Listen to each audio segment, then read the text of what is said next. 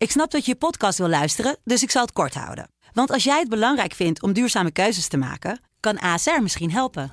Nou hoor ik je denken, hoe dan? Nou, bijvoorbeeld bij het duurzaam herstellen van schade. Of de premies die we beleggen volgens ons duurzaam beleggingsbeleid. Dat bepaalt waar we wel en juist niet in investeren. Wil je meer weten over welke duurzame keuzes ASR maakt? Ga dan naar asr.nl slash duurzame keuzes. ASR doet het. Zo, dan kan je nu lekker naar je podcast luisteren. Deze podcast is mede mogelijk gemaakt door Obam Investment Management. Al ruim 85 jaar Nederlandse beleggingshistorie met beleggen in aandelen wereldwijd. Ervaren, actief en met een duurzaam rendement investeren in uw financiële toekomst. Obam Investment Management, de kunst van het kiezen. Kijk op obam.nl voor meer informatie.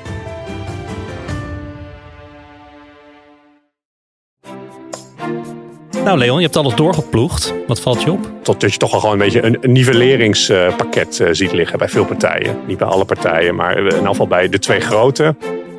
Dit is Kwestie van Centen, een podcast van de Financiële Telegraaf met Martin Visser en Robert Ophorst. Weet jij wat pluviofielen zijn? Of ben je er misschien een, Martin?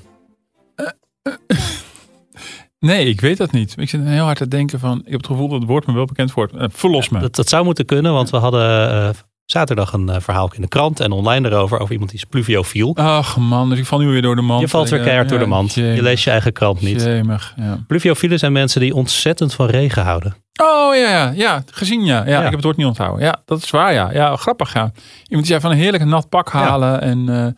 Maar ja. hoe, hoe, hoe, gaat jou dat dan af als je uh, op een ochtend als deze naar buiten kijkt en je ziet het opnieuw hozen? ik word er nog wel zagrijnig van. Ja, toch? Ja, nou, dat, ja nou, het is wel. Elkaar daarin. Het is wel zo. Af en toe komt mijn dochter uit school. Die moet drie kwartier fietsen. En als je dan een bui moet, dan is het echt goed nat. En ik kan me wel dat gevoel herinneren dat tijdens die drie kwartier is het echt niet fijn. Maar dan kom je thuis uit school en dan ben je echt tot, tot draad toe nat. En dat is wel een heel lekker moment, toch? Alles uit over de, over de verwarming, ik wou zeggen over de kachel. Mm. Over verwarming hangen, lekker even douchen, ja. schone kleren aan, natte haartjes. Dat is wel een dat lekker. Is, dat maar die drie kwartier lekker. daarvoor, ja, daar gaat mijn pluviofiele hartje niet harder van branden. Ik moest nee. een half uur fietsen naar school, naar de middelbare school vroeger. En ik kan me dan ook nog heel goed herinneren dat je dan inderdaad doorweekt aankwam. Het wasmiddel schuimde uit je spijkerbroek. En dan moest je nog de hele dag in die natte kleren ja, ja. zitten, omdat je weer te koppig ja. was geweest om een regen. Ja, nat aankomen is niet fijn, want dan heb je de hele dag nee. zo'n plank aan uh, van die, die spijkerbroek die muf uh, is en uh, steeds zo. Nou goed, ja. Nee, ik ben geen pluviofiel. En hoe is het met de waterhuishouding bij jou op Eiburg? Staan de straten blank of loopt het allemaal netjes weer het ei? Het loopt al vrij goed weg, ja. Dus uh, het is allemaal ook wat opgehoogd. Eiburg ligt iets hoger. En ja, nee, dus dat, dat, gaat, dat gaat allemaal wel goed. Ja, ik heb lang in Rotterdam gewoond. Toen was het, dat was minder feest. Dan stond ja. de kelder altijd enorm blank. Maar Eiburg is daar wel een beetje op geprepareerd. Maar dat is wel een grote stedenprobleem. Het, uh, Absoluut. Ja. Nou, ik kom uh, vaak met het uh, openbaar vervoer hier naar de T. En ik moet zeggen, dan moet je zo'n stukje lopen van het station naar, naar ons kantoor. Nou, dan moet je op sommige stukken wel echt je lieslaarzen aan. Ja, ja. Nee, dus dan is even flink waden. Ja, hier op de parkeerplaats kunnen ze er ook wat van. Dus niet je nette schoentjes aan, want die zijn dan helemaal vernageld. Mooie beloftes te over in de verkiezingsprogramma's. Maar wat betekenen die voor onze portemonnee? Waar worden al die plannen van betaald? Het Centraal Planbureau en het Bureau van de, van de Leefomgeving hebben hun rekenmeesters losgelaten op de programma's van acht partijen. Er wordt flink geniveleerd en voor grote bedrijven dreigt een vlucht uit Nederland. Plus, er klinken de laatste tijd veel zorgen over de overheidsfinanciën. Worden die zorgen weggenomen door deze doorrekeningen of komt de bodem van de schatkist nu echt in zicht? En waar blijft toch die politieke partij die opkomt voor de middenklasse? En daar gaan we het uh, deze kwestie van centen allemaal over hebben. Wat we hier presenteren vandaag is nadrukkelijk geen stemadvies. Het is ook geen wedstrijd. Maar dit zegt iets over de economische en budgettaire gevolgen van keuzes van politieke partijen. Hoe dat uiteindelijk gewaardeerd wordt, is aan de kiezer. Ja, dat was uh, CPB-directeur Pieter Hazekamp. We gaan bellen met uh, onze parlementair verslaggever Leon Brandsema, die in Den Haag bij de presentatie van de doorrekeningen was en uh, die direct alles heeft doorgespit. Leon, ontzettend fijn dat je bij ons aanschuift. Ja, dank dat ik er mag zijn. Uh, misschien voordat we gaan beginnen met wat jou opviel en wat al deze doorrekeningen nou precies voor onze portemonnee betekenen, even heel even kort. Want hoe gaat het CPB nou te werk? Want verkiezingsprogramma's staan bol van de mooie beloftes. Maar heel concreet over hoe dat betaald moet worden is het vaak niet. Hoe kan het CPB dan toch met allemaal precieze berekeningen komen nu? Ja, je hebt natuurlijk een heel een soort van standaard pakket aan allerlei maatregelen die je kan nemen. En waarmee je dus ook de nou ja, wat vagere taal uit je uh, programma kan concretiseren. Uh, het was dit jaar voor mij nog wat moeilijker dan andere jaren, omdat het in augustus begon. Vlak voordat de begroting in elkaar werd gezet natuurlijk, hè, op Prinsjesdag. Uh, dus men ging nu in eerste instantie uit van het beleid zoals het al lag voordat Prinsjesdag er was. Dan kregen alle partijen ook nog de mogelijkheid van wil je alles wat er op Prinsjesdag is besloten ook daadwerkelijk meenemen in je doorrekening of niet. Uh, sommige partijen hebben dat niet gedaan. Het is natuurlijk eigenlijk een beetje raar, want het ligt al in die begroting en uh, het, het, wordt toch uitgevoerd. Of ja, je nou je, dan eigenlijk, je neemt een deel de werkelijkheid niet mee. Ja, precies. En, uh, dus dat was een opvallende dit jaar. Ja, en dan is het een beetje een kwestie van volgens mij ook heen en weer contact tussen de partijen en tussen het CPB. Dus je gaat dat concreet maken. Je zegt, je pikt er een heleboel maatregelen uit die je wil. Dan krijg je een keer terug van, goh, wat levert dat nou eigenlijk op? Wat kost dat nou? Wat voor plaatje levert dat op? En dan kun je vanuit daar weer ja. verder gaan fine-tunen. En nou ja, ook om een beetje nou ja, als je het in één keer in een grote zwart gat moet gooien en er komt dan wat uit, dan kun je ook het lazeren schrikken natuurlijk. En uh, dus er is wel wat heen en weer uh, gepingpong om nou ja, ook een beetje te zorgen dat het een, mooi plaatje wordt en dat het er ook een beetje uit komt te zien zoals je gehoopt had. Ja, je moet ook realiseren, Robert, dat overigens wist ik dat zelf ook niet. We noemen het de doorrekening van het verkiezingsprogramma, maar feitelijk komt er geen verkiezingsprogramma aan te pas. Uh, dat bleek ook wel toen onlangs in de krant Wim Suiker hadden, die gepensioneerde CPB'er. Die zei, die rekende vroeger ook verkiezingsprogramma's door. Dat het laatste programma dat ik heb gelezen was van de KVP. Nou, dat is echt enkele decennia geleden. Partijen krijgen inderdaad gewoon formulieren die ze moeten invullen. Het is niet zo dat het CPB een programma gaat doorvlooien. Ja, het is aan die partijen of ze bij het CPB eigenlijk inleveren wat ze in aan de kiezer ook in een programma hebben beloofd. En daarom is het journalistiek interessant, A, om de effecten te zien, maar ook of er verschillen zitten tussen wat ze hadden opgeschreven, van wat op de website kunnen nalezen, en wat ze hebben ingeleverd in die, in die standaardtabellen van het Centraal Planbureau. Ja, um, nog één dingetje. Het CPB, het Centraal Planbureau, heeft dingen doorgerekend, maar ook het Planbureau voor de Leefomgeving, het PBL, uh, komt eraan te pas. Wat is het verschil? Hoe zit dat, Leon? Ja, kijk, het Centraal Planbureau gaat echt meer over de financiële plannen. En uh, Planbureau voor de leefomgeving kijkt meer naar wat, uh, wat doe je voor klimaat, wat doe je nou, voor stikstof ook in dit geval. En berekenen dan bijvoorbeeld, hè, waar het CPB zegt van dit betekent dit voor de schatkist, voor het begrotingstekort, voor het begrotingsschuld. Kijkt het PBL van wat betekent het voor de doelen die we uh, hebben gesteld op CO2-reductie, stikstofreductie, dat soort dingen. Juist. Nou Leon, je hebt alles doorgeploegd. Wat valt je op? Ja, een heleboel. Zullen we eerst de grote, de grote lijn doen en dan wat leuke kleine dingetjes uh, die opvallen? Um, de grote lijn, zoals we het ook in de krant hadden opgeschreven van de week, was uh, nou ja, tot, dat je toch al gewoon een beetje een, een nivelleringspakket ziet liggen bij veel partijen. Niet bij alle partijen, maar in geval bij de twee grote die wel meededen, VVD en PvdA GroenLinks. Um, ja, dat, vooral in het eerste geval is het natuurlijk opvallend uh, bij, de VVD. De partij die zegt van we moeten voor de middenklasse opkomen. En uh, die is natuurlijk ook wat achtergesteld. Daar hebben Martin en ik eerder ook wel verhalen over gemaakt. Dat er de afgelopen jaren veel aandacht is geweest voor armoedebeleid. Uh, die energiecrisis waar natuurlijk van alles aan gedaan moest worden. En ja, ik heb het toch ook even nagevraagd bij de VVD van hoe zit dat nou eigenlijk? Waarom komen jullie eigenlijk ook met zo'n nivellerend pakket? En dan ja, verwijzen dus naar wat ik, uh, wat ik net al zei. Van, ja, dat zit hem vooral in die maatregelen die we voor de begroting al hadden genomen. Uh, dus dat is, was vooral een armoedepakket. Dat hebben ze meegenomen. En daardoor zeggen zij, we gaan die lagere inkomens er meer op vooruit dan de middeninkomens. Of laat staan de hogere inkomens. Mm -hmm. dus, nou, maar had jij dat ook zien aankomen, Martin? Nou, ik vond het wel de mate waarin wel opvallend. Dus overigens wel in omvang wel een verschil tussen VVD en, en PvdA GroenLinks. Als je, ik heb het voor mezelf een grafiekje gemaakt en dan onderscheidt het planbureau vijf inkomensgroepen. Dus van de laagste inkomens tot de hoogste inkomens. En dan zie je inderdaad bij GroenLinks PvdA, zoals je dat van een linkse partij ook wel zou verwachten, uh, ja, een, een, een, soort, soort laddertje naar beneden. Waarbij de laagste inkomens echt, nou, die gaan er gemiddeld genomen jaarlijks uh, bijna 5% op vooruit. Tot de hoogste inkomens, dan is het een schamele 1%. nou, zo'n extreem plaatje heb je bij de VVD dan weer niet. Maar het is natuurlijk wel opvallend. We hebben er inderdaad veel geschreven de laatste tijd over dat nivellering weer helemaal in is. En dat zie je van links tot rechts. En in de mate waarin verschilt heel erg. Dus dat, ja. valt, dat valt heel erg op. Het komt mede denk ik ook doordat um, het planbureau bij alle doorrekeningen gewoon buiten de verkiezing om uh, naast de normale koopkrachtplaatjes ook uh, al een aantal keer de, de armoedecijfers daaraan toe heeft gevoegd. Dus het is een expliciet doel geworden ook om armoede te bestrijden. Wat natuurlijk helemaal niks mis mee is. Maar dat zorgt er wel voor dat er veel meer aandacht dan voorheen voor de allerlaagste inkomens is. Ja, dat moet ergens vandaan komen. En dan, dan zie je ook dat bij middenpartijen en rechtse partijen dat dan toch gemakkelijk bij de, bij de hogere inkomens wordt gehaald. En de middeninkomens zitten daar nou, letterlijk een beetje tussenin. En profiteren dan bijna niet. Nou, we hadden die oproep van uh, vakbondsvoorman Reinier Kastelein. Uh, een beetje bijna wanhopige oproep, onlangs uh, in de Telegraaf. Hè. Welke politieke partij neemt het nog op voor de middenklasse? Dan kunnen we eigenlijk concluderen dat op basis van de acht partijen waarvan nu de plannen zijn doorgerekend, dat die in ieder geval niet opkomen voor de middenklasse.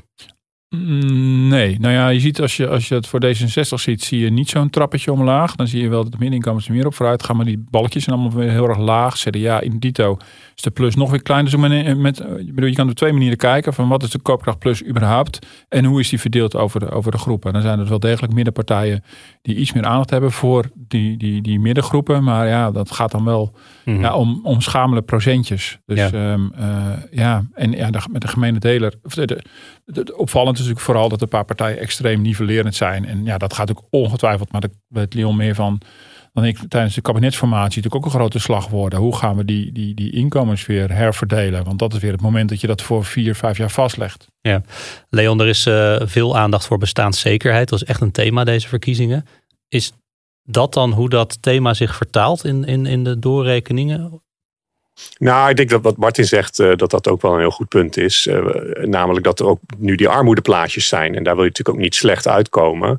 Uh, en dat raakt ook een beetje aan de kritiek hè, van, van de grote partij die niet meedoet aan de doorrekeningen, NSC.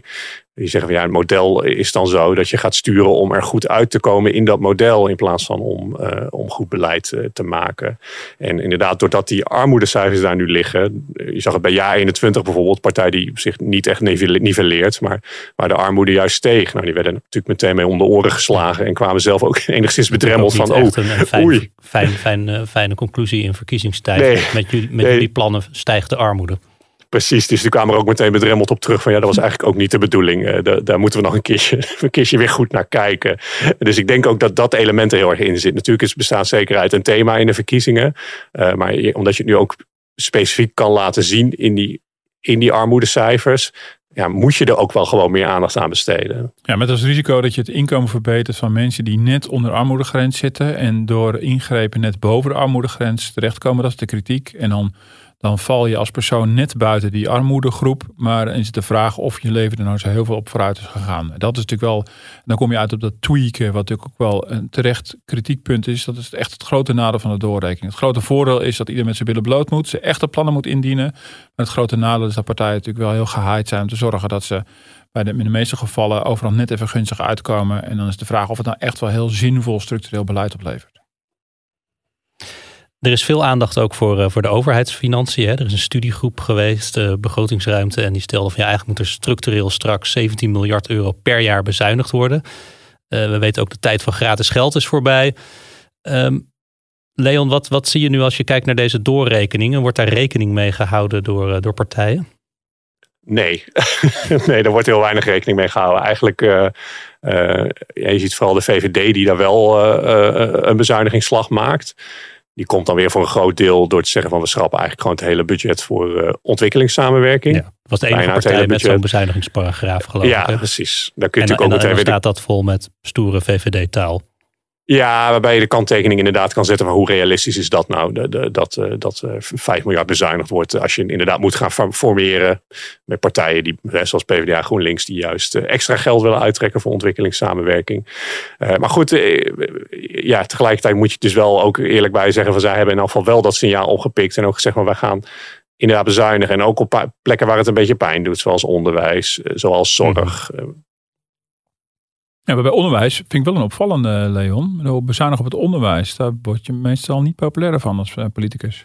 Ja, het zit hem volgens mij ook in, uh, nou, dat is ook iets waar we het sowieso over kunnen hebben, uh, voor een deel ook in het afschaffen van het, het wetenschapsfonds uh, dat je er had. Nou, we hebben natuurlijk een heleboel fondsen. Deze was wat minder in het oog springend. En dat schrappen ze en dat levert geloof ik, nou pak me er even niet op bij, maar een paar honderd miljoen op in elk geval. En daar zit vaak een groot deel van die bezuiniging in. Mm Maar verder is het natuurlijk wel inderdaad opvallend dat ja, wat wij dan voor het gemak bezuinigingen noemen, vaak minder meer uitgeven is. Dat heet in de Haagse terminologie een ombuigen. Maar bijvoorbeeld, nou, we hebben de afgelopen tijd veel over de gezondheidszorg gehad, de zorgkosten. We hebben ook uh, een hele reeks artikelen overal in, in de krant geschreven. Omdat A, de gezondheidszorg een belangrijke uh, zorg is voor veel kiezers. En tegelijkertijd daar financieel-economisch echt iets aan de hand is. Ja, wat je natuurlijk ziet dat op zijn best, uh, nou, met name bijvoorbeeld de VVD, ietsje minder aan zorg uitgeeft dan wanneer je geen nieuw beleid erop zou zetten. Maar bij, uh, bij ja, in de meeste gevallen gewoon die zorgkosten gewoon enorm beginnen op te lopen. En ik begrijp het ook wel. Dat is, dus heel makkelijk gezegd, economisch gezien, daar moet je in gaan snijden. Maar ga het maar eens doen. Ja, en het kan ook gewoon een politieke keuze zijn. Om, dat kan ook een keuze om, om zijn. blijven uitgeven of meer te uit, uit ja. te geven zelfs. Ja, maar dan verwacht je natuurlijk ook wel een antwoord op de vraag die er ligt. Hoe houdbaar is het nog als je de zorgkosten zo laat blijven stijgen? En zeker als een aantal partijen eigen risico wil afschaffen of verminderen ja, dan loop je wel het risico dat het gruwelijk uit de hand gaat lopen. Uh, en daar zie ik eerlijk gezegd in in de cijfertjes nog niet echt een antwoord op vanuit de politiek. Het leverde natuurlijk ook heel veel gedoe op uh, bij het begin van, het, uh, van, van dit demissionaire kabinet. Die ook iets nou ja, minder meer gingen uitgeven. Of het nou bezuinigen was, weet je niet eens. Ze zeggen van in de toekomst stijgt het al met zoveel miljard. Dan maken we iets minder miljard van. En, nou, toen stond al de hele oppositie op de achterste benen om, te roepen dat het een schande was.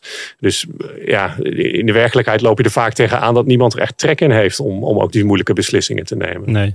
Nou, je had het net al over dat wetenschapsfonds. We hebben natuurlijk een hele hoop fondsen gezien de afgelopen kabinetsperiode. Uh, daarvoor ook al. Dat, dat, dat stamt natuurlijk uit de tijd dat we tegen eigenlijk bijna niks geld konden lenen. Dus dan werd het allemaal maar in, in een fonds gestort. Um, misschien ook even dat het zogeheten Wopke Wiebesfonds, uh, wat we allemaal nog kennen. Dat heet officieel geloof ik het Groeifonds. Maar ja. uitgerekend het CDA en de VVD, die toch de naamgevers zijn van, van dat fonds in, in de volksmond, die, die pleiten dan weer voor om dat fonds bij het grof te zetten. Ja, ja, het was inmiddels ook al van het Wopke Wiebesfonds uh, in, in de volksmond overgegaan naar het Graaifonds. Uh, wat er nog wel iets meer aansluit op het, uh, op het Groeifonds. Maar dus ja, ik denk dat dat ook een van de redenen is. Er is best, er zat 20 miljard in. Er is geloof ik al een miljard of 14 van uitgegeven. Of dan wel in elk geval gereserveerd. Mm -hmm. Voor allerlei innovatieve projecten. En, je zag dat het de afgelopen jaren al dat het, dat het graaien inderdaad begon. de, de Westerschelde-tunnel moest tolvrij worden gemaakt. En dat kostte 600 miljoen. Nou, hup, doe maar uit het, uit het groeifonds. Naar afgelopen financiële beschouwingen kwam de VVD met het plan van we gaan de benzineaccijnzen nog een jaar bevriezen. Betaal dat ook maar uit het groeifonds. Ja, dat, dan schiet dat hele fonds zijn doel ook voorbij in die zin. Uh, het is bedoeld voor innovatief projecten. En we gaan het nu eigenlijk gewoon gebruiken voor leuke dingen die we nog graag uh, uh, willen doen, maar waar we geen geld voor hebben. Dat pakken we dan maar uit dat fonds. En ja, dus in die, dat opzicht kun je ook wel begrijpen waarom het nu maar helemaal de nek om wordt gedraaid. Maar het is inderdaad wel saillant dat dan uitgerekend de twee partijen die inderdaad de naamgevers van het fonds hadden geleverd, dat besluiten. Ja. En, en hoe loopt het af met de Klimaat- en Stikstoffonds? Ja, die blijven wel in stand, volgens mij. Ik heb daar niks over gezien van partijen die daarvan uh, af willen. Maar daar valt ook niet zoveel te halen, want dat is niet een pot met geld, toch? Dat is meer geoormerkt dat we in de toekomst zoveel geld gaan besteden aan, toch? Het is niet zo dat er ergens een enorme spaarpot staat uh, met 25 miljard waar we zo uit kunnen graaien. Nou, ik kan me nog herinneren, de theorie ging op uh, na, in aanloop naar die doorrekeningen. Dat die financieel experts zeiden van ja, je, je kan het zelfs heel erg goed gebruiken. Want het CPB rekent niet verder dan 2028. En nou ja, dat fonds loopt natuurlijk door de jaren heen een stuk verder door. Uh, en, en daarna is dus al, alles wat je zeg maar langer dan 2028 zou pakken, zou dan structureel worden gerekend. Dus de theorie was van als je het klimaatfonds afschaft, levert dat heel veel structureel geld op in de modellen. Terwijl het in de werkelijkheid natuurlijk gewoon een eenmalig bedrag is van, uh, van nou, hoeveel miljard was het ook weer precies? Heel veel miljard. Mm-hmm. Maar, maar het is die, niet gebeurd. Die kritiek die er uh, de afgelopen tijd vaak uh, te horen was dat het vorige, of dit demotionaire kabinet alles maar probeerde op te lossen met grote zakken geld. Dat dat eigenlijk niet de methode is om problemen aan te pakken. Zie je daar nou enige kentering al in, in die doorrekening over terug? Nou, wat je vooral ziet is dat bij de partijen die, die uh, zeg maar wel wat, wat, wat kwistiger zijn met geld uitgeven, dat die het ook vooral heel erg zoeken in uh, het verhogen van de lasten. Ja. Um, en dan nou ja, kom je ook bij GroenLinks PvdA weer uit. 25 uh, dat, miljard willen ze ophalen, toch, bij het bedrijfsleven? Ja. Ja, bij het bedrijfsleven inderdaad. En um, ja, het is natuurlijk altijd uh, makkelijk, want nou ja, bedrijven hebben geen stemrecht en, en mensen wel. Dus dan is die verdeling ook makkelijk gemaakt. Uh, ja, je moet je afvragen hoe realistisch het is. Sowieso in een eventuele formatie uh, niet. nou weet, en dat weet Martin denk ik beter dan ik ook wel, dat het in die doorrekeningen vaker op uitdraait dat bedrijven grotere lastenverhogingen krijgen en burgers juist lastenverlichting. En dat vervolgens in het regeerakkoord het plaatje er iets anders uitziet. Mm. Maar voor alle ondernemers die nu luisteren, wat, wat, wat betekent het concreet, uh, die 25 miljard die, ze, die, die in dit geval PvdA GL bij hen wil ophalen? Waar bestaat dat uit? Het is een hele waaier aan maatregelen waar die partij aan denkt. Zit natuurlijk niet alleen in het verhogen van de winstbelasting. Want dan kom je niet aan 25 miljard. Tenzij je hem heel erg verhoogt. Maar dat lijkt me ook niet zo verstandig. Uh, maar goed, die winstbelasting gaat wel naar 30% voor uh, grote bedrijven. Die staat nu op nou, bijna 26%. Dat levert al 5 miljard op in elk geval. Maar het zit er ook in allerlei andere dingen. Een verpakkingsbelasting voor producenten. eentje die mij heel erg opviel was een, een, een opdrachtgeversheffing. Bedrijven die een uh, zelfstandige inhuren moeten dan een tax betalen voor het uh, nou ja, uitgeven van een opdracht, zeg maar. Uh, zit hem in de, in de werkgeverspremies flink verhogen. Allerlei van dat soort dingen. We hebben het uh, in de vorige podcast hier ook al gehad over dat, dat werken, meer werken vaak helemaal niet loont. en dat we ook met een enorme tekort aan arbeidskrachten zitten. Dus dat het eigenlijk juist goed zou zijn als mensen wel meer zouden gaan werken. Zie je iets terug in deze doorrekeningen wat daar effect op heeft? In positieve ja, of negatieve zin? Ja, je ziet in afval veel partijen die een poging doen om dat toeslagenstelsel te hervormen. Uh, en nou ja, door dus allerlei van dat soort toeslagen, belastingkortingen af te bouwen. En is natuurlijk het idee van als we dat stelsel wat minder moeilijk maken, eh, dan wordt het ook gewoon wat simpeler. En dus als je dan meer gaat werken, meer gaat verdienen, hou je er ook daadwerkelijk meer aan over. In plaats van die uh, uh, hoge, vermalendijde, marginale belastingdruk waar jullie het zo vaak over hebben in deze podcast. Daar niet vaak genoeg over hebben, Leon. ja, ik zie Martin opfleuren. Zeker, maar ik bedoel, opvallend is natuurlijk wel bijvoorbeeld weer dat de VVD, bleek uit die doorrekening, de gratis kinderopvang weer heeft ingeslikt. Ja, niet, nou ja, ze zeggen zelf van we hebben hem niet ingeslikt, maar we stellen hem nog verder uit. Oh, ja. Hij was al uitgesteld naar 2027. In hun mhm. programma staat ook van willen hem op termijn invoeren. Uh, maar ze hebben inderdaad niet laten doorrekenen. En ja, hun gedachte erbij is, vind ik ook geen onlogische gedachte eerlijk gezegd. Uh, ja, dat is gewoon niet uitvoerbaar. Uh, ook niet op die termijn. Ook niet met die vertraging van twee jaar die nu al is ingesteld door het huidige kabinet. Er zijn nog steeds niet genoeg mensen beschikbaar om al die kinderen die dan extra komen naar de opvang uh, ja, ook goed op te vangen. Hmm. Dus zeggen zij, want dat, gaan we, dat gaat gewoon niet lukken de komende regeerperiode. En dus hebben ze hem ook niet laten doorrekenen. Precies, op zich is dat wel reëel. Maar dat was namelijk een manier om van die toeslag af te, af te komen. Uh, en dat is precies ook hetgene waar het huidige demissionaire kabinet tegenaan gelopen is. Dat het allemaal niet zo eenvoudig is om dat te veranderen. Ja, ja nee, dat klopt helemaal. Ja, en ik, ik vermoed ook dat het volgende kabinet er tegenaan gaat lopen. Precies. Nou ja, en ook nog, nog over, uh, toch door, doorpraten over die marginale belastingdruk. Dus wat je belasting betaalt voor elke extra verdiende euro. Om een keer te zeggen, ik bedoel, PvdA GroenLinks die gaat dus een zes schijven systeem introduceren. Als ik me goed herinner, uh, in de belasting, als ik me goed herinner, wilde het CDA, maar corrigeer me als ik het nazit, ook weer nieuwe schijven introduceren. Uh, dus je gaat weer allerlei nieuwe vormen uh, ja, introduceren die, die eigenlijk van de belastingen weer wat progressiever maken. En toch juist dit probleem alleen maar verergeren. Ja, nee, klopt helemaal. In, in, nou, dus dat punt, hè, wat jij zegt, dat klopt helemaal. Daarnaast heb je nog gewoon het punt weer van de uitvoerbaarheid. Ja. En we hebben nog, geloof ik, uh, een paar maanden geleden nog maar uh, staatssecretaris eh, Van Rijen, die over de Belastingdienst gaat. Die zegt, jongens, tot 2027 zit die hele ICT-pipeline bij ons wel vol. Dus alsjeblieft niet te veel nieuwe dingen verzinnen. En ja, er komt hier weer een pakket belastingwijzigingen en, en vooral ook dingen die het complexer maken tevoorschijn. Waarvan ik denk van ja, leuk. En je kunt er politiek een discussie over voeren, inderdaad, of het nou verstandig is of niet. Het, het, het, draagt inderdaad, denk ik, niet bij aan de begrijpelijkheid van het stelsel. En ook dus inderdaad niet aan die. Nou ja, het verlichten van die marginale druk. Uh, maar het is vooral ook de vraag: ja, dit, dit is eigenlijk gewoon niet uitvoerbaar. Hm. Heeft het CPB ook al wat over gezegd van tevoren? Van ja, Kijk, plannen die echt gewoon echt onuitvoerbaar zijn, eh, daar hebben we ook van gezegd van nou, dat gaan we niet doorrekenen, want dat gaat niet. Uh, maar ze hebben wel geprobeerd plannen die in principe wel uitvoerbaar zijn, maar misschien niet per se op de korte termijn wel gewoon mee te pakken. Om in ieder te kijken wat het effect ervan is. Maar ik had het idee dat ze wat soepeler zijn dan anders, hè? dat ze minder streng zijn geweest. Klopt dat? Nou, ze hebben ook, uh, normaal gesproken doen ze ook dat lange termijn uh, ja. doorrekenen erbij. En dat hebben ze niet gedaan. En ik denk als je gaat zeggen van ja, we doen en geen lange termijn. En we doen ook niks wat je de komende kabinetsperiode niet kan uitvoeren. Ja, dan blijft er ook al weinig over natuurlijk. Ja, dat is waar. Dus, nee, daar heb ik ook nog een specifieke vraag over, Leon. normaal gesproken, bedoel, nu kijken ze echt naar een nieuwe kabinetsperiode tot 2028. En dan zie je ook bijvoorbeeld dat het begrotingstekort valt eigenlijk bij de meeste partijen nog wel redelijk mee. De staatsschuld blijft laag. Dus je denkt van nou, de zulke potverteerders zijn het dus allemaal niet. Uh, maar ja, als je niet de lange termijn hebt doorgerekend, omdat het Centraal Planbureau er blijkbaar geen tijd voor had. Ja, wat voor dingen kunnen partijen dan eventueel onder het tapijt hebben geveegd die ons als kiezers straks nog wel te wachten staan? Nou, je hebt natuurlijk ook gewoon lange termijn effecten van, van nou ja, grote belastingwijzigingen zit ik dan aan te denken. Maar ook als je volgens mij uh, is altijd een van de cruxen. Als je bijvoorbeeld veel meer overheidswerkgelegenheid gaat creëren, dan creëer je op de korte termijn veel banen. Maar op de lange termijn uh, pakt dat volgens mij alles weer slechter uit, uh, omdat het gewoon de markt verstoort. maar goed, misschien weet jij dat ook beter hoor, Martin. Maar dat soort dingen verdwijnen inderdaad wel. En je zag ook altijd, ook in die vorige door, doorrekeningen, dat op zich op de korte termijn de meeste partijen het wel op orde hadden. Maar dat dan op de lange termijn toch wel vrij bizarre begrotingstekorten tevoorschijn kwamen. Ja. Ja, ja, dat blijft ook altijd weer een nadeel natuurlijk. Maar goed, hebben we net ook al gezegd van die doorrekening. De ene kant, het is ook een soort schijnprecisie.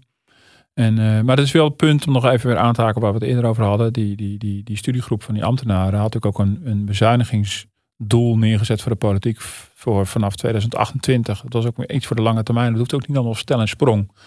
Maar ja, als natuurlijk vervolgens het planbureau niet naar die lange termijn kijkt, dan komen de partijen daar natuurlijk wel goed mee weg. Maar ja, weet je Leon, eh, alles wat wij natuurlijk nu op en aanmerken, dat komt in de kabinetsformatie natuurlijk alsnog gewoon kaart weer terug.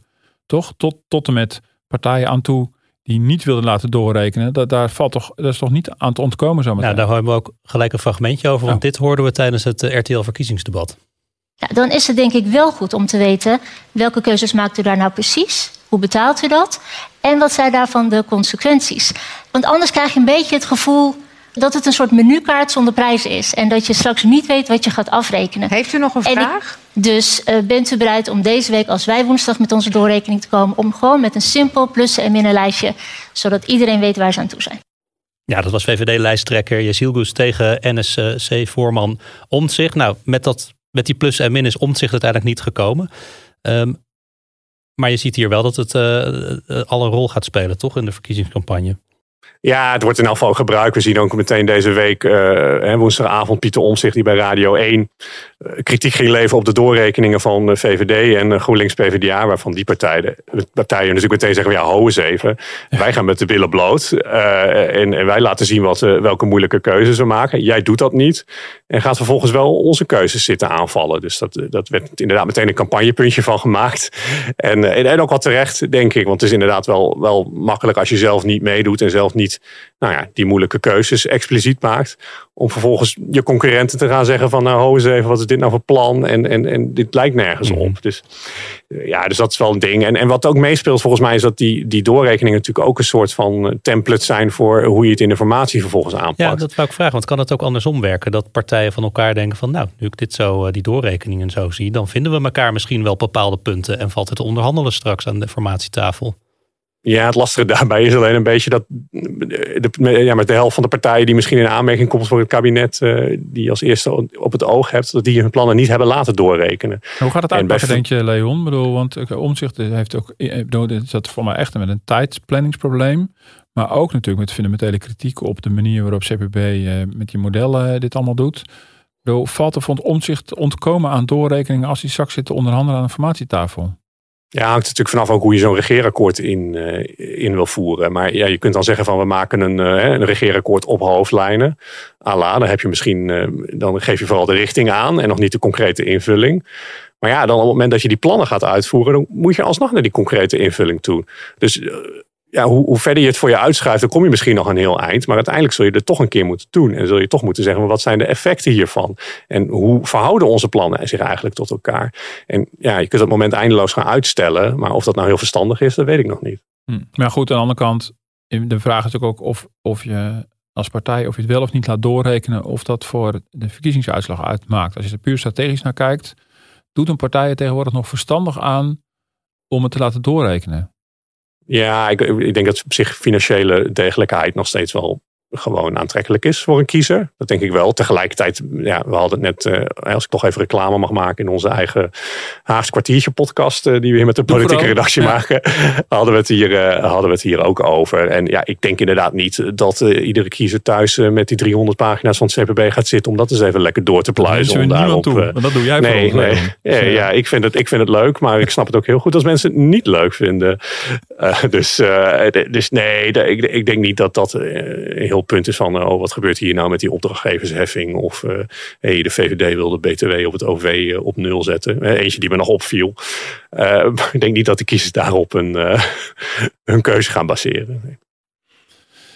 Nee, ja, kijk, dus uh, nee, dat, dat denk ik ook al. Maar goed, daarom maken wij natuurlijk die vertaling uh, van, van wat het betekent. En, uh, maar ik ben toch heel benieuwd. Je ziet ook wel een bredere trend. Maar goed, het is heel erg politiek. Van, dat het bepaalde kiezers eigenlijk helemaal niet uitmaakt. Of politici zich aan hun beloftes houden. Of ze iets beloven wat ze niet waar kunnen maken. Dat, ja, partijen hebben er zelf inderdaad misschien ook niet altijd iets aan.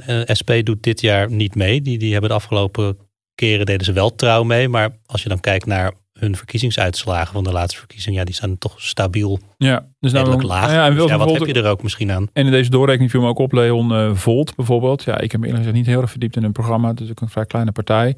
Maar die hebben een totaal andere aanpak of een nieuwe aanpak van belasting en toeslagen. En, dergelijke. en, ja, en dan krijg je die doorrekening. Dat schiet dan echt gek genoeg alle kanten op. Dat is een dat zijn dan ook weer uitslagen. Want je denkt van moet ik hiermee? Dat kan me herinneren van de vorige verkiezingen. Dat dat speelde bij D66. Die allemaal radicale dingen wilden.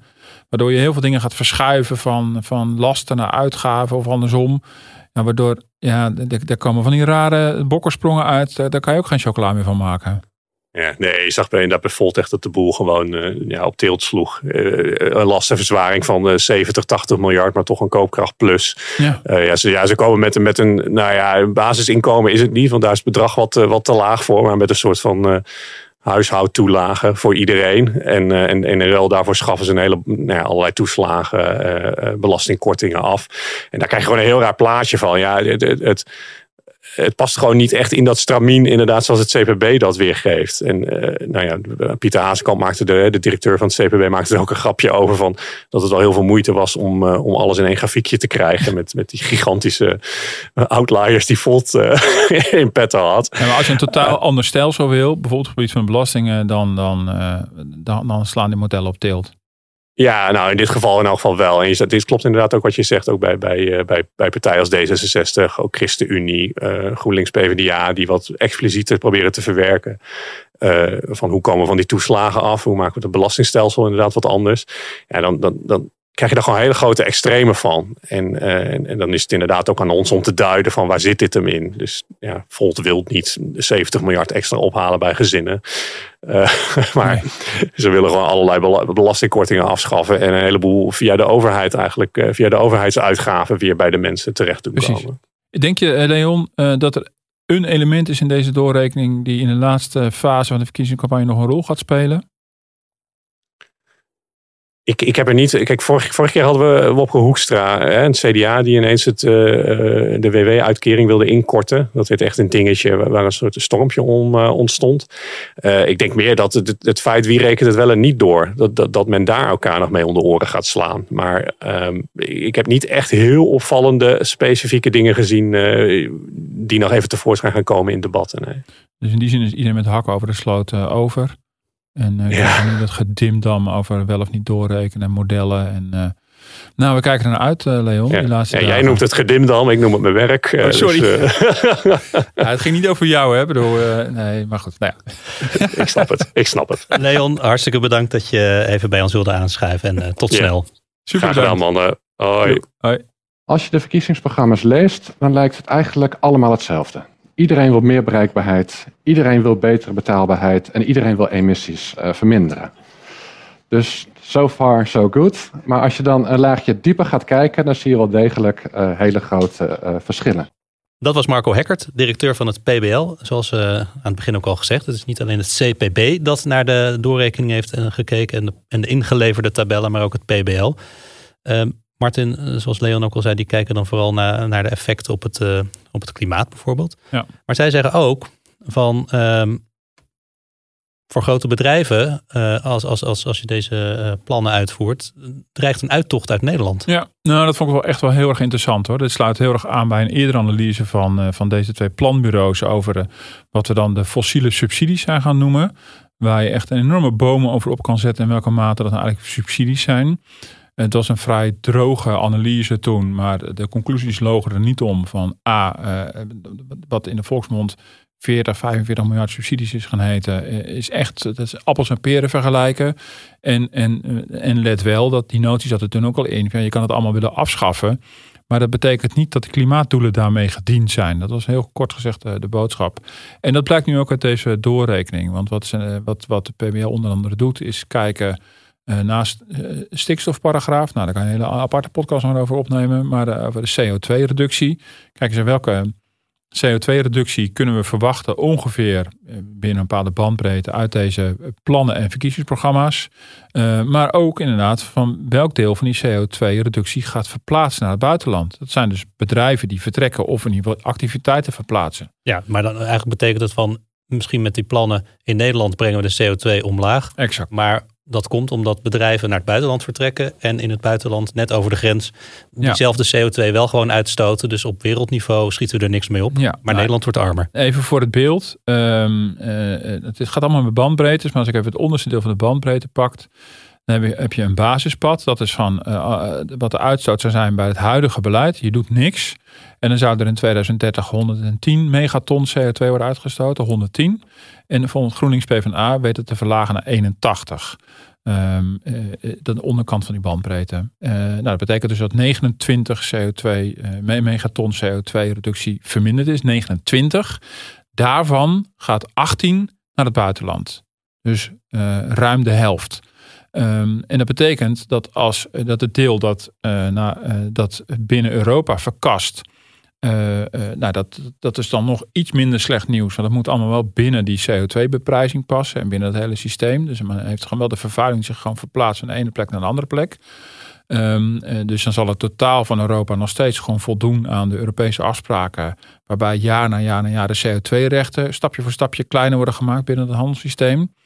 Um, maar goed, dan heb je natuurlijk niet meteen een, een echt een uh, reductie gerealiseerd binnen Europa. Maar op termijn uiteindelijk wel, omdat het systeem daartoe dwingt. Maar als van die 18 een groot deel naar buiten Europa vertrekt, ja, dan heb je, dan heb je echt sowieso voor de lange termijn de vervuiling alleen maar verplaatst.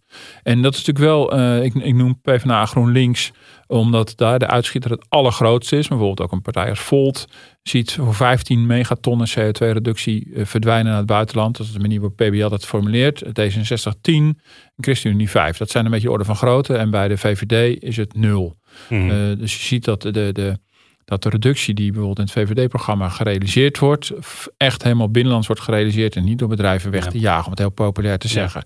Dat is een hele belangrijke kanttekening en ook een, een um, ik ben ook ik vind het ook heel goed dat het PBL dat zo concreet doorrekent. Omdat je denkt, met PBL heb je echt een onverdachte bron. Ik bedoel, die wordt er misschien eerder van verdacht dat ze te, te, te, uh, te links zijn of te klimaat, milieugelovers uh, dan te weinig.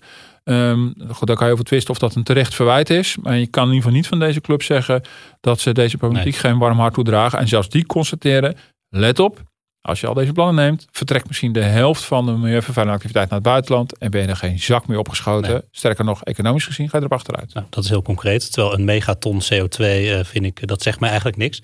Maar over wat voor soort bedrijven hebben we het dan? Nou ja, dan heb je natuurlijk over de zwaarst vervuilende bedrijven. Nou, je kan je natuurlijk denken aan, aan uh, kunstmestproducenten. Uh, je, kan, je kan denken aan staalbedrijven, cementbedrijven. Nou, al, echte zwaardere, zwaardere industrie in de chemie.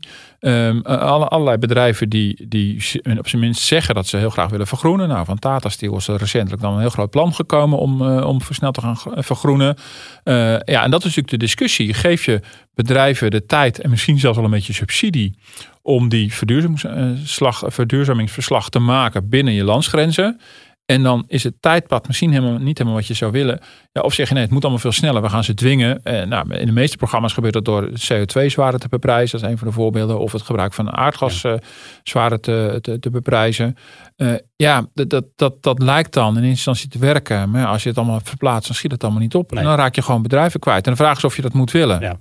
Of je moet gewoon zeggen, onverdroten, voor dit soort bedrijven is voortaan geen toekomst meer in Nederland. Nou, dat kan ook. Dus in die zin uh, is het voor al die bedrijven natuurlijk de vraag of het meteen macro-economisch echt een ramp zou zijn. Waardoor, uh, ja, het is sowieso een ramp natuurlijk voor de mensen die er werken.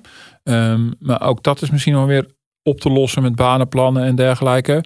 Dat zijn op zich wel legitieme vragen. Ik bedoel, het is niet zo van nou, deze bedrijven waren altijd in Nederland, die moeten voor de eeuwigheid in Nederland blijven. Maar als je doel, uh, uh, maar het doel is in veel gevallen niet om een soort van nieuwe economie te maken, maar het doel is om, om, uh, ja. om klimaatdoelen te gaan halen. Ja. ja. als je dat doet door die bedrijven weg te jagen, dan ben je er geen zak mee opgeschoten. en dan ziet het er mooi uit. Dat stort mij persoonlijk aan veel klimaatplannen. Dat het helemaal gericht is inderdaad op klimaat, maar niet een doordacht breder plan is van wat willen we nou met onze bedrijven. Precies, maar natuurlijk kan je een discussie opzetten van kan in een dichtbevolkt land als Nederland, heb je dan wel plek voor het aantal zware industriebedrijven die heel vervuilend zijn? Gaat dat eigenlijk wel samen? Dat is best wel vind ik best wel een ingewikkelde mm. vraag. Um, uh, nou, rondom Tata speelt dat bijvoorbeeld heel, heel sterk, maar recent ook rondom Gemoers. Maar bij Tata is natuurlijk evident, je zit dicht bij een woonwijk, je hebt concrete aantoonbare last van de vervuiling. Dat is nog niet eens iets abstracts als CO2. Dat is echt gewoon de, de, de neerslag van vuile deeltjes. Uh, ja, allicht roept dat die vraag op. Maar hier gaat het echt over, wil je een klimaatdoel halen? En een aantal van die linkse partijen willen die ook nog versneld gaan halen. Nou, PBL zegt, nou, dat kan je vergeten, zelfs met jullie beleid. En bedrijven vertrekken naar het buitenland. En ja, de economie wordt er zwakker van. Je bent er niet meer opgeschoten. Nee, toch even. Leon zei het net ook al. Het valt uh, eenmaal in een coalitieakkoord vaak relatief mee met de lasten voor bedrijven. Maar toch, als we het dan hebben over 25 miljard extra ophalen bij het bedrijfsleven. Ja. Uh, de helft van vervuilende bedrijven die uit Nederland uh, gedwongen vertrekt door maatregelen. Het bedrijfsleven voelt zich al de pinautomaat van Den Haag.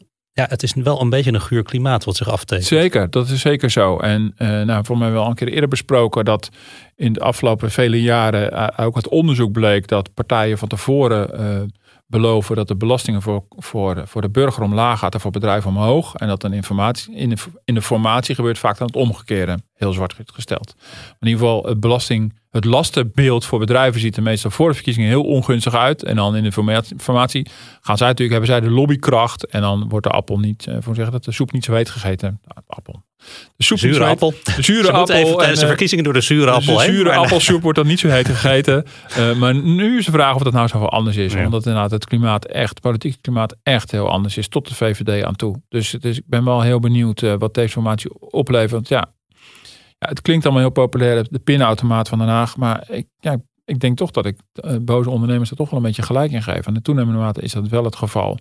En um, eh, ook dat is legitiem om te zeggen, wat is, wat is een reële belastingdruk voor bedrijven? En dan kan de uitkomst zijn, nou misschien moet die wat hoger liggen dan die tot nu toe lag. Als je maar ook wel die basisvraag stelt van wat voor economie willen we? Uh, hoe willen we uh, duurzaamheid en economische groei en bestaanszekerheid voor mensen allemaal samen laten gaan? Ja, dat is allemaal veel te groot en te abstract en, en, en, en hoog over. Die vragen worden niet op die manier gesteld. Dus dan wordt het toch een beetje ad hoc politiek.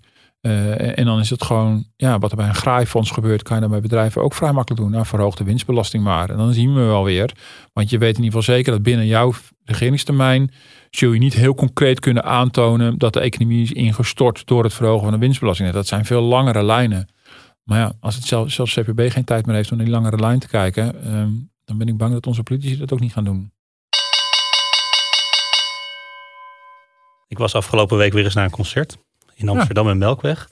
En uh, uh, ik stond met een vriend te wachten voor het podium. En één minuut voordat het zou beginnen stond nog geen enkel instrument op, uh, op het podium. Het was een concert van Yeji. Dat is een Amerikaans-Koreaanse electro-artiest. en ze kwam inderdaad op. En er was ook geen instrument. Het ging helemaal vanaf band. Ze zong oh, ja. mee. Ze danste ook mee. Ze kon vrij goed dansen. Ze had twee dansers ook meegenomen. Het was een hele show met allerlei projecties. Maar ik miste toch een beetje dat uh, gevoel van dat er op het podium iets gemaakt wordt. Want zij maakt ook echt haar eigen nummers helemaal. Ze is echt een maker.